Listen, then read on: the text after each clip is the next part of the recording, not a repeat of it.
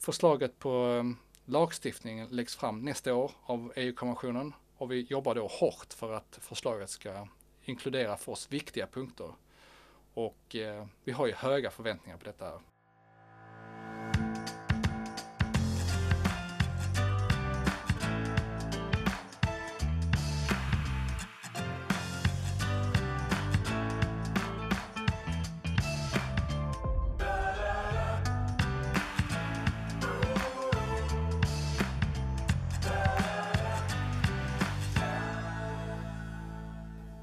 hjärtligt välkomna till Djurens Rätts podd på Djurens Sida. Jag heter eh, Sebastian Wiklund och arbetar som samhällspolitisk chef hos oss på Djurens Rätt. Och jag sitter här tillsammans med Matilda Kylefors, politisk sakkunnig. Och vi kör ju en fördjupning av djurpolitiska frågor var fjärde vecka. Genom att eh, följa oss så kommer du få lite extra koll på svensk, europeisk och viss mån också kommunal politik. Ja, vad har eh, hänt sedan vi poddade sist? Ja, men jag har tittat lite närmare på ett eh, förslag från eh, Tyskland faktiskt som jag tycker är intressant. Eh, det handlar om en djurskyddsmärkning. Jag ska säga det att den är ju faktiskt ganska så svag i grunden sådär, men det som är bra med den här är att den är obligatorisk för den inhemska djurindustrin då så att säga. Men dessvärre då så är den inte obligatorisk vid import. Som lyssnarna hörde så finns det en hel del att, att önska där till. Men jag tänker att det är ändå fenomenet är intressant att en stat Eh, gör detta här och går fram med detta. För att jag tror så här att tyskarna har identifierat att eh, folk idag liksom eh, ställer krav om transparens för de djurprodukter som eh, de äter. Och eh, de vill veta hur djuren har haft det. Vi har också sett väldigt, väldigt starka siffror på det här inom EU. Jag lyfte det här tidigare, det är jättehögt om att man vill att det ska vara bättre djurskydd och så vidare. Eh, och vi vet ju också om att EU tittar på sån här märkning och vi följer ju det arbetet. Eh, jag tror vi har tagit upp det på den tidigare, annars så får vi återkomma till det. Men det är en del av eh, den lagstiftningen som, där som de också ser över. En liten kort spaning. Att dagens slutna industrier kommer för att få det allt svårare i framtiden. Det ställs eh, krav om transparens.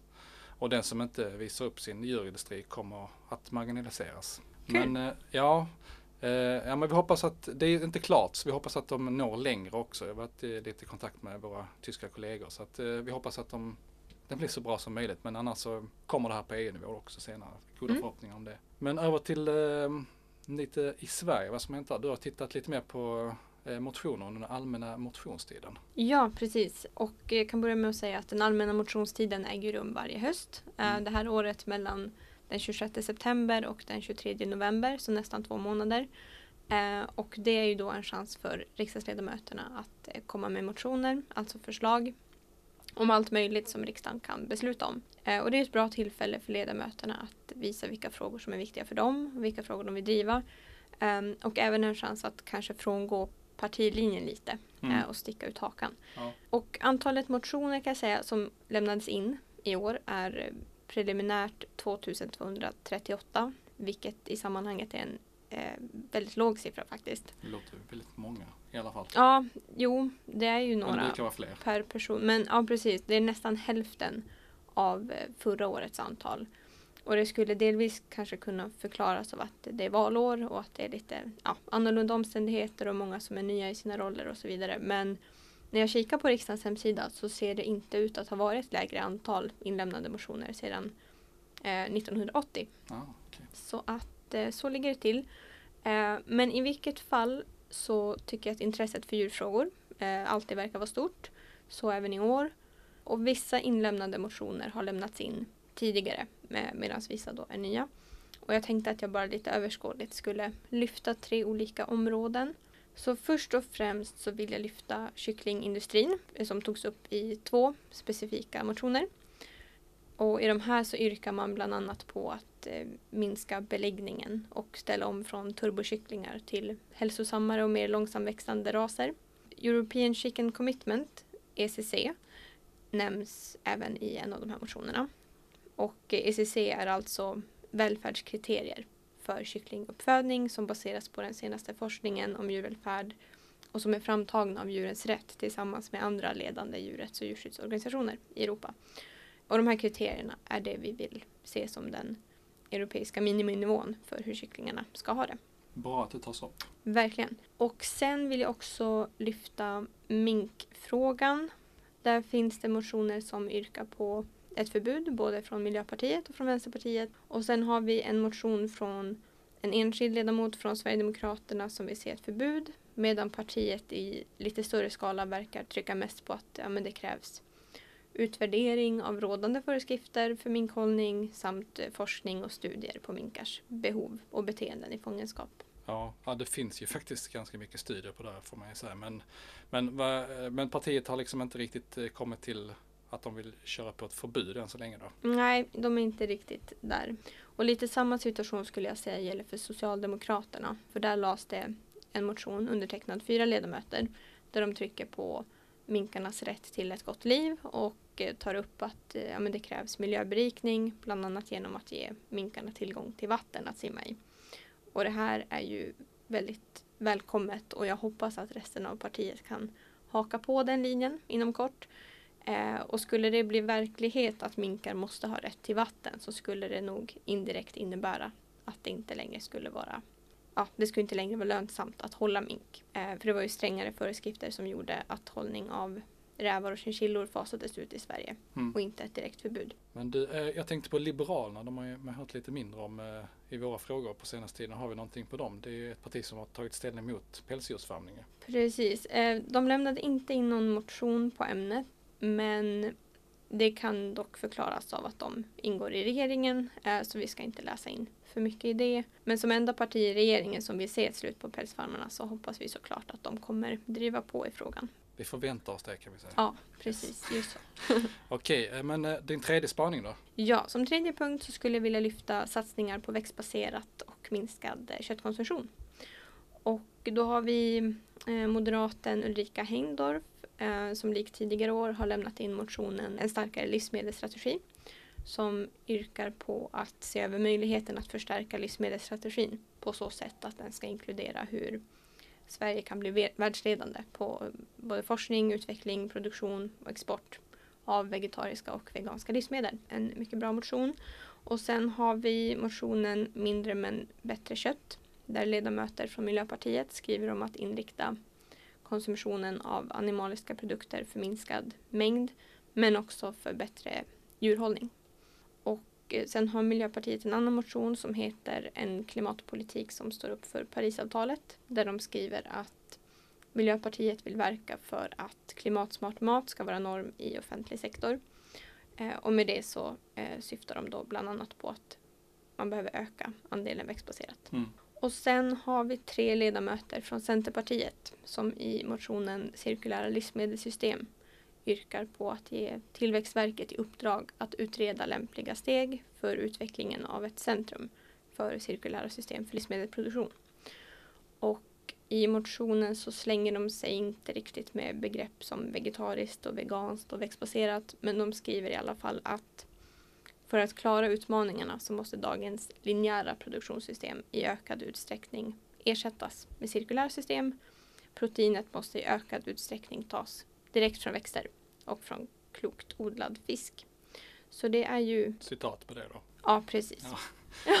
ja, det är inte vad jag tycker. Nej, precis. Nej, men eh, det var från Centerpartiet då. Just så. Men det är ju eh, välkommet måste jag säga i alla fall att eh, det diskuteras mer omställning till växtbaserat, att det får ett bredare fäste inom partierna. Men annars så, alltså vi träffar ju andra organisationer, vi tittar på företag och sånt där liksom. Och där är man ju mycket, mycket mer framkant eh, jämfört med politiken. Så politiken behöver ju verkligen detta här också. De behöver ju verkligen komma upp på banan skulle jag säga. Men det är ett eh, fall framåt får vi säga. Ja, nej men verkligen. Och eh, ja, det här var bara ett, ett litet smakprov på eh, motionerna som har lämnats in.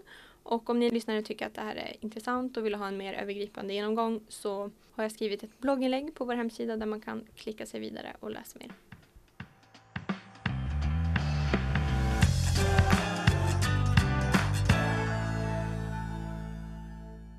Som ni som följer oss säkert har sett så har det handlat extra mycket om kycklingar den senaste tiden. I kort så handlar det om att Djurens Rätt fick ta del av bild och videomaterial från en kycklingfabrik i Strängnäs kommun där det var uppenbart att det rörde sig om djurplågeri. Och vi gjorde därför en polisanmälan och Aftonbladet gjorde en granskning genom sitt program 200 sekunder. Och har ni missat det här och vill ta ikapp så kan ni lyssna på avsnitt 46 av podden där vi pratar just om detta. Eh, men jag tänkte att vi skulle prata lite om vad efterspelet blev kring, kring allt det här. Ja men precis, lite ifrån eh, politiken. Men, och, eh, ja, men den första reaktionen som eh, Aftonbladet gjorde ju en intervju där med landsbygdsministern. Vi kan lyssna lite på vad han säger där. Ja, jag har sett, eh, sett inslaget eh, också och det, det, är klart att jag vet inte varför eh, det är så exakt vad som, vad som har hänt. Men, men som sagt, jag kan inte gå in och kommentera enskilda fall utan jag kan, jag kan röra mig på den nationella nivån, prata lagstiftning. Lagstiftning ska följas och då har vi tillsynsmyndigheter. Jag tror eh, de flesta människor som ser djur som far illa får en, en klump i magen. Det känns, eh, det känns verkligen inte bra. Eh, oavsett vad det beror på, om det är sjukdom eller om det är misskötsel eller vad det nu kan, kan vara. Så är det klart att det, det, sunda människor tycker det är hemskt att se. Så, så är det. Samma sak här. Det är ju, handlar om Kronfågel, ändå ett svenskt bolag och man har haft tillsyn de senaste tre åren på 13 av 39 Eh, Eh, ställen bara. Det, det, känns ju ganska lite och framförallt är det väl kanske det att svenskarna känner sig lite lurade för man tror att det är svenskproducerat men så ser det ändå ut på det här sättet. Eh, hur kan man komma till rätta med det? Ja, för det första så tror jag att det är viktigt att konstatera att svenskt djurskydd är högt. Eh, generellt sett så vill jag hävda att vi har en bra djur, eh, djurvälfärd. Sen finns det jättemånga olika orsaker i de fall som vi har sett eh, som kan vara inom olika branscher eh, där det går fel. Det kan handla om personliga tragedier, det kan handla om ekonomiska faktorer eh, som gör det här och då är det viktigt att det finns tillsyn eh, och, att, eh, och det finns det ju. Det finns en djurskyddslag, det finns tillsynsmyndigheter som ska, ska följa upp det här. Fast här är det ju ändå en ganska dålig djurvälfärd. Och det kan finnas jättemånga olika orsaker till att saker inte går rätt. Det är trots allt eh, människor som, eh, som det här handlar om som tar hand om de här djuren. Är det någonting som ligger på agendan eh, med lagstiftning eller ytterligare saker för, för att komma till rätta med, med den här typen av problem? Nej, vi har ju skrivningar i Tidöavtalet kring eh, djurvälfärd och hur vi ska stärka konkurrenskraften, hur vi ska få eh, andra länder att ta efter vår djurvälfärd. Eh, men också hur vi ska upprätthålla konkurrenskraften för det svenska jordbruket gentemot andra länder som har andra regler kring djurvälfärden. Har vi möjlighet att kompensera på något sätt inom EU-regelverket? Eh, så det finns, eh, det finns saker på den agendan också. Ja, som vi hör då, som man sammanfattningsvis skulle kunna säga att han säger då att lagstiftningen ska följas så att det finns liksom en tillsynsmyndighet för detta här. Och att eh, svensk djurvälfärd är bra men ibland så går det fel. Han svarar inte heller på om någonting egentligen behöver göras trots att egentligen journalisten tar upp den här frågan om bristande tillsyn så svarar ministern ja men inte riktigt på det. Det finns helt enkelt inte något riktigt konkret som ska förändras eller förbättras här. Men eh, om eh, regeringen lyssnar på vår podd, det kan man alltid hoppas, då får de gärna rätta oss och skriva till oss och säga hur det i sådana fall ligger till. För vi, ingen blir gladare än vi för det. Annat eh, ljud i skällan skulle jag väl säga att eh, Socialdemokraterna bjöd på. De eh, skrev ju en debattartikel om det här avslöjandet också i Aftonbladet. Ja, jag har faktiskt två utdrag här från debattartikeln. Och den är skriven av Sofia Schönbrink och Jytte Guteland, båda riksdagsledamöter för Socialdemokraterna då. Och Sofia är djurpolitisk talesperson också för ja, partiet. precis. Eh, så här kommer första citatet då. Det är inte första gången som det avslöjas djurplågeri på Kronfågels gårdar. Det blir allt svårare att tro att det är förfärliga undantag vi bevittnar. Djurplågeriet av turbokycklingar, som väl som alla djur, måste få ett stopp. Veterinärer ryter ifrån. Forskare från Sveriges lantbruksuniversitet vittnar om systemfel. Anställda berättar om djurplågeri. Det är dags för en förändring. Det behövs en offentlig diskussion om hur djuren behandlas inom kycklingindustrin. Vanvården måste synliggöras och orsakerna måste utredas. Det var det första. Eh, och här kommer det andra utdraget. Det är också viktigt att länsstyrelserna får tillräckligt med resurser och verktyg för att kunna göra regelbundna normalkontroller och inte tvingas lägga all tid på anmälningsärenden. Slutligen ska givetvis allt djurplågeri polisanmälas. Ingen ensam åtgärd kommer i grunden kunna få stopp på fusket och djurplågeriet. Det behövs omtag och en i grunden förändrad syn på djuruppfödning. Ja men det är lite skarpare kritik för det som har redan varit. Eh, de nämner så här att det behövs omtag och en helt förändrad syn också för djuruppfödning och eh, det behövs också tillräckliga resurser och verktyg och det tänker jag är ett eh, tydligt budskap. Men vidare då också på Aftonbladets hemsida så gör ju, jag tror det var på deras ledare som Robert Aschberg skriver också då, gör en jämförelse med hur människor hade sett ut om de hade avlats som kycklingar. Och det, en, det visar ju på något sätt hur, hur bisarr den här industrin är. Men eh, det illustrerar ja, och påvisar den absurditeten. Och han berättar då till exempel att Ulf Kristersson, vår statsminister, hade vägt 2,3 ton. Ja. Lite, lite finurligt formulerat. Hoppas det fångar någons uppmärksamhet eh, för att eh, det behövs verkligen uppmärksamhet kring detta. Och sen så vidare också som du nämnde där har du, ju, har du ju sett att det har kommit in ett par motioner också på ämnet och man kan ju tänka sig att att de har också fått eh, lite energi från den granskningen som har varit. Det är både från MP och SD då. Som mm. sett.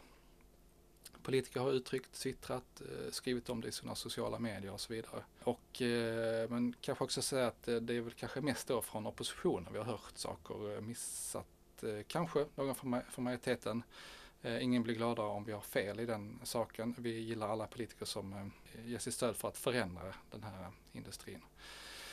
Nej, men, eh, om jag ska säga någonting om då, vad jag tror då om detta så tror jag att det rör på sig helt enkelt. För ett tag sedan så pratade liksom inte politiker om turbokycklingar eh, alls eh, och eh, de problemen som det medför. Eh, och ja, men nu uppfattar jag att det diskuteras ganska så brett. Eh, det är säkert långt ifrån långt ifrån en förändring på riktigt. Tyvärr, det har vi sett tidigare. Vi behöver ha liksom extremt tålamod för förändring av våra frågor. Men att samtalet, problembilden har kommit upp, det är ändå ett, ett fall framåt och vi får helt enkelt ta det vidare därifrån.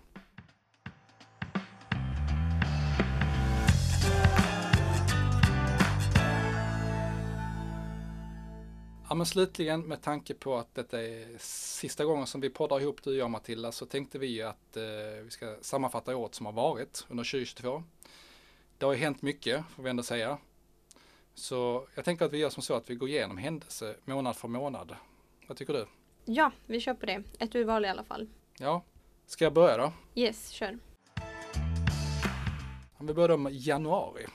Under hösten 2021 så öppnade EU-kommissionen ett samråd där alla EU-medborgare och organisationer var välkomna att lämna in skriftliga åsikter om djurskyddet i unionen. Deadline för detta var då i januari och eh, det blev totalt 60 000 svar som kom och nästan 4 500 av de här kom från Sverige. Det kanske inte låter så mycket, men bara Tyskland, Frankrike, Polen, Italien som är stora länder bidrog med fler inlämnade svar. I februari så röstade riksdagen för att det skulle införas ett nytt brott, grovt djurplågeri, i brottsbalken. Och det här är någonting som Djurens Rätt under lång tid har arbetat för och eh, vi gladdes åt beslutet. Eh, och det här började gälla den 1 juli i år. I mars röstade riksdagen för ID-märkning av katter Uppskattningsvis finns det över 100 000 hemlösa katter i Sverige. För att färre katter ska behöva sakna ett hem måste katternas status höjas och eh, en viktig del i det arbetet är ett införande av obligatorisk ID-märkning och registrering utav katter. Och detta börjar gälla den 1 januari 2023. I april så var det dags för den årliga debatten gällande miljö och jordbruksutskottets betänkande om motioner som rör djurskydd. Och trots 53 motioner och sammanlagt 202 yrkanden om djurskydd så blev utfallet att riksdagen utifrån utskottets förslag riktade fem eh, så kallade uppmaningar till regeringen. Och de här rörde främst områden som hundsmuggling och eh, antibiotikaanvändning. I maj så lanserats det europeiska medborgarinitiativet Fur for Europe detta drivs av Djurens Rätt tillsammans med andra djurrätts och djurskyddsorganisationer. Och villkoret är det här att om vi lyckas samla in en miljon underskrifter inom ett år så landar frågan på EU-kommissionens bord som då också blir skyldiga att svara på initiativet. Under veckan som har gått har vi faktiskt passerat en miljon. Det är helt fantastiskt. Men vi behöver bli många fler för att också skapa marginal och säkerställa att vi får in en miljon giltiga underskrifter och därmed säkra upp för ett pälsfritt Europa när det går i mål nästa år. Har du inte skrivit på än så länge så gå in och gör det på djurensrätt.se for free. I juni så släppte Djurens Rätt en partigranskning inför riksdagsvalet där vi dels utgick från vad partierna hade gjort under mandatperioden och sen dels vad de sa sig vilja driva under den kommande mandatperioden. Och eh, topplistan för den granskningen blev Miljöpartiet, Vänsterpartiet, Liberalerna. I juli så deltog eh, Djurens Rätt eh, på Almedalsveckan. Vi ordnade seminarium i djurpolitik med både partier och ungdomsförbund samt ett om omställning till växtbaserat. Under juli släppte vi även en eh, granskning av ungdomsförbunden. I augusti så gjorde vi vårt bästa för att sätta djurpolitik på agendan under valrörelsen. Vi presenterade djurvänliga riksdagskandidater på vår hemsida. Och de här kandidaterna de hade svarat på vår enkät om vilka djurfrågor som de vill driva om de skulle komma in i riksdagen. Och av de 349 ledamöterna som sen tog plats i riksdagen så kvalificerade sig eh, 34 stycken eh, av dem som djurvänliga. Eh, och nästan en tredjedel av dessa var personvalda, vilket är en hög siffra som pekar på att svenska folkets engagemang för djurvänlig politik är stort. I september, dagen efter valet, så överlämnade vi 35 198 underskrifter till Ulf Kristersson som då skulle bilda regering och uppmanade honom att eh, tillsätta en djurskyddsminister. Någon sådan blev det ju tyvärr inte av, men vi är väldigt nöjda med att eh, det har varit sånt engagemang i den här frågan och vi kommer att fortsätta att eh, trycka på och verka för att det till sist också instiftas en djurskyddsminister som kommer att verka för att sätta djuren först. I oktober så fördelades riksdagens eh, utskottsplatser och den nya regeringen tillträdde. Och landsbygdsminister och ansvarig för djurfrågor blev kristdemokraten Peter Kullgren. Som vi redan har varit inne på så handlade november mycket om kycklingar och skandalen med kronfågel och den polisanmälan som vi gjorde. Politiskt kopplat till detta har vi tryckt på att djurskyddslagens skrivelse om avel också bör gälla utfasning av turbokycklingar. Precis som den redan gör för eh, de kraftigt musklade nötdjuren av rasen belgisk blå. Andra politiska förslag är att också implementera SSC-kriterierna överlag i lagstiftningen och att eh, ta krafttag kring tillsynen. För det är helt uppenbart att det är ett systemfel när endast 13 utav 39 anläggningar har haft tillsyn de senaste tre åren. I december så kommer direktiven för den utredning om djurskyddskrav som nämns i Tidöavtalet att komma. Och då kommer det bli tydligare vad det kan innebära. Och vi har ju som tidigare nämnt befarat att det skulle kunna röra sig om försämringar snarare än förbättringar. Till exempel en omprövning av beteskravet. En fråga som Kristdemokraterna tidigare har drivit.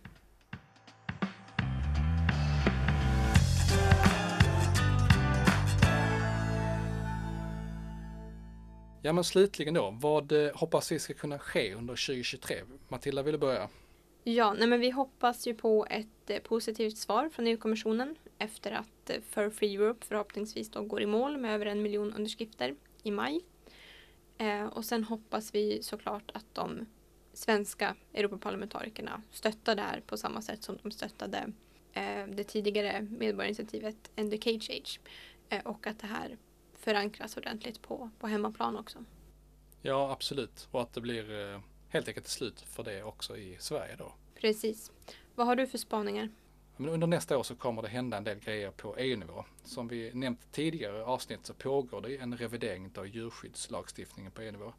Vilket inkluderar en hel del områden såsom slakt, transporter, djurskyddsmärkning och så vidare.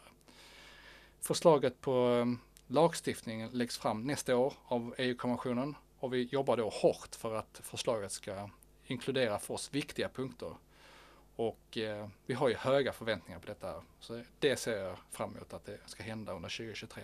Håller med.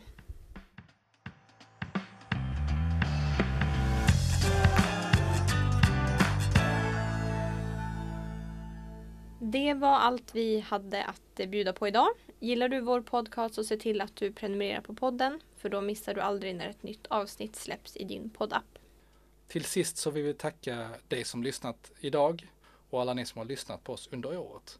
Det är tack vare våra månadsgivare som vi bland annat eh, genom politiskt påverkansarbete då också kan göra skillnad för de djur som är flest och har det sämst. Och vi behöver din hjälp för att sätta djurens bästa på den politiska agendan. Så gå in på www.djurensrätt.se medlem och bli månadsgivare idag. Ha det fint tills vi hörs igen i januari och tack för att du står på djurens sida. God jul! Och gott nytt år!